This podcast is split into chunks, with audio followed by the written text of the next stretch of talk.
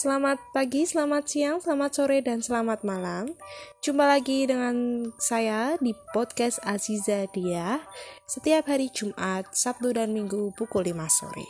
Kali ini saya akan bercerita dari daerah Kalimantan, yaitu asal-usul kota Banjarmasin. Langsung saja ya.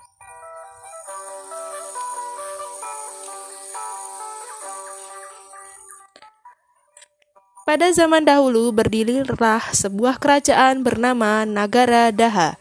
Kerajaan itu didirikan Putri Kalungsu bersama putranya, Raden Sari Kapurangan alias Sekar Sungsang yang bergelar Panji Agung Maharaja.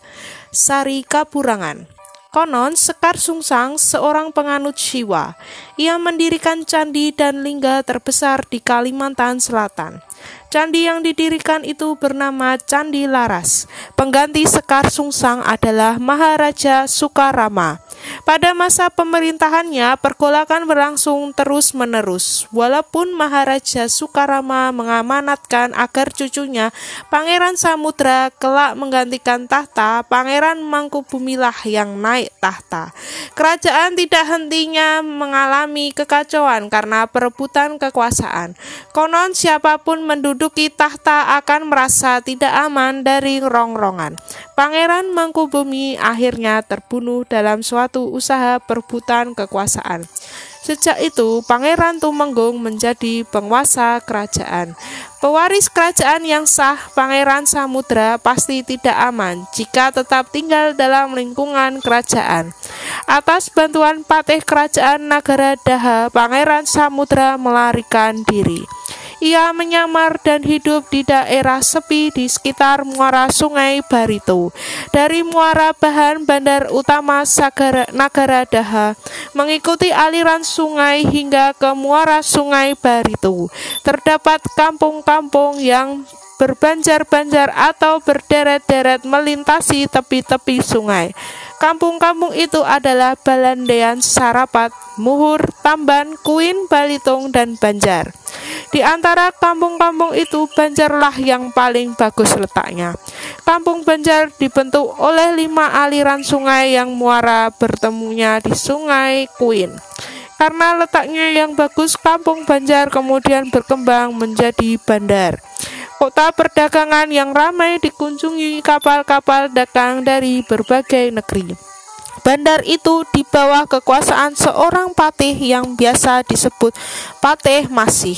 Bandar itu juga dikenal dengan nama Bandar Masih.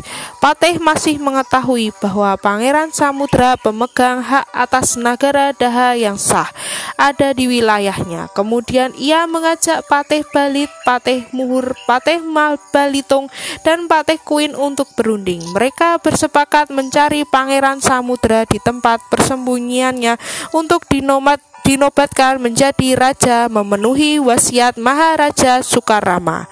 Dengan diangkatnya Pangeran Samudra menjadi raja dan bandar masih sebagai pusat kerajaan sekaligus bandar perdagangan semakin terdesaklah kedudukan Pangeran Tumenggung. Apalagi para patih tidak mengakuinya lagi sebagai raja yang sah. Mereka pun rela menyerahkan upeti kepada Pangeran Tumenggung di negara Daha. Pangeran Tumenggung tidak tinggal diam menghadapi keadaan itu. Tentara dan armada diturunkannya ke Sungai Barito, sehingga terjadilah pertempuran besar-besaran. Peperangan berlanjut terus. Belum ada kepastian pihak mana yang menang. Patih menyarankan kepada Pangeran Samudra agar minta bantuan ke Demak. Konon menurut Patih masih saat itu Demak menjadi penakluk kerajaan-kerajaan yang ada di Jawa dan menjadi kerajaan terkuat setelah Majapahit. Pangeran Samudra pun mengirim Patih Balit ke Demak. Demak setuju memberikan bantuan asalkan Pangeran Samudra setuju dengan syarat yang mereka ajukan yaitu mau memeluk agama Islam. Pangeran Samudra bersedia menerima syarat itu. Kemudian sebuah armada besar pun pergi menyerang pusat kerajaan Nagara Daha. Armada besar itu terdiri atas tentara Demak dan sekutunya. Dari seluruh Kalimantan yang membantu Pangeran Samudra dan Pangeran Patih pendukungnya. Kontak sengaja pertama terjadi di Sangyang Gantung. Pangeran Tumenggung berhasil dipukul mundur dan bertahan di muara sungai Amandit dan Alai. Korban bercatuan di kedua belah pihak. Panji-panji Pangeran Samudra, Tatunggul Wulung Wanara Putih semakin banyak berkibar di tempat-tempat taklukannya. Terenggana, Patih, Nagara Dipa sedih melihat demikian banyak korban jelata dari kedua belah pihak. Ia mengusulkan kepada Pangeran Tumenggung suatu cara untuk mempercepat selesainya peperangan, yaitu melalui perang tanding atau duel antara kedua raja yang bertikai. Cara itu diusulkan untuk menghindari semakin banyaknya korban di kedua belah pihak. Pihak yang kalah harus mengakui kedaulatan pihak yang menang. Usul Arya Tumenggung ini diterima kedua belah pihak.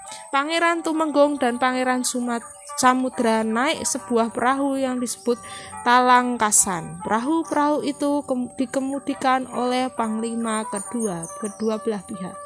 Kedua pangeran itu memakai pakaian perang serta membawa parang, sumpitan, keris, dan perisai atau telabang.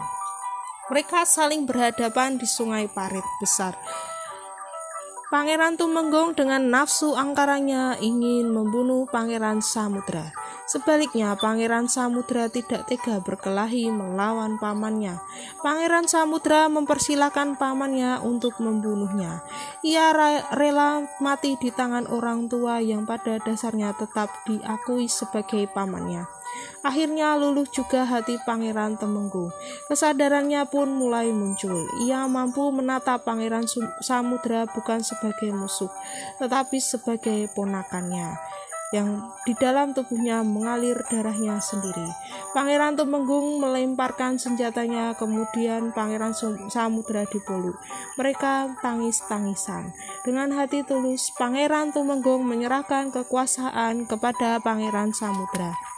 Artinya, negara Daha berada di tangan Pangeran Samudra. Akan tetapi, Pangeran Samudra bertekad menjadikan Bandar Masih atau Banjarmasih sebagai pusat pemerintahan sebab bandar itu lebih dekat dengan muara sungai Barito yang telah berkembang menjadi kota perdagangan. Tidak hanya itu, rakyat negara Daha pun dibawa ke Bandarmasih atau Banjarmasih. Pangeran Tumenggung diberi daerah kekuasaan di Batang Alai dengan seribu orang penduduk dengan sebagai rakyatnya. Negara Daha pun menjadi daerah kosong.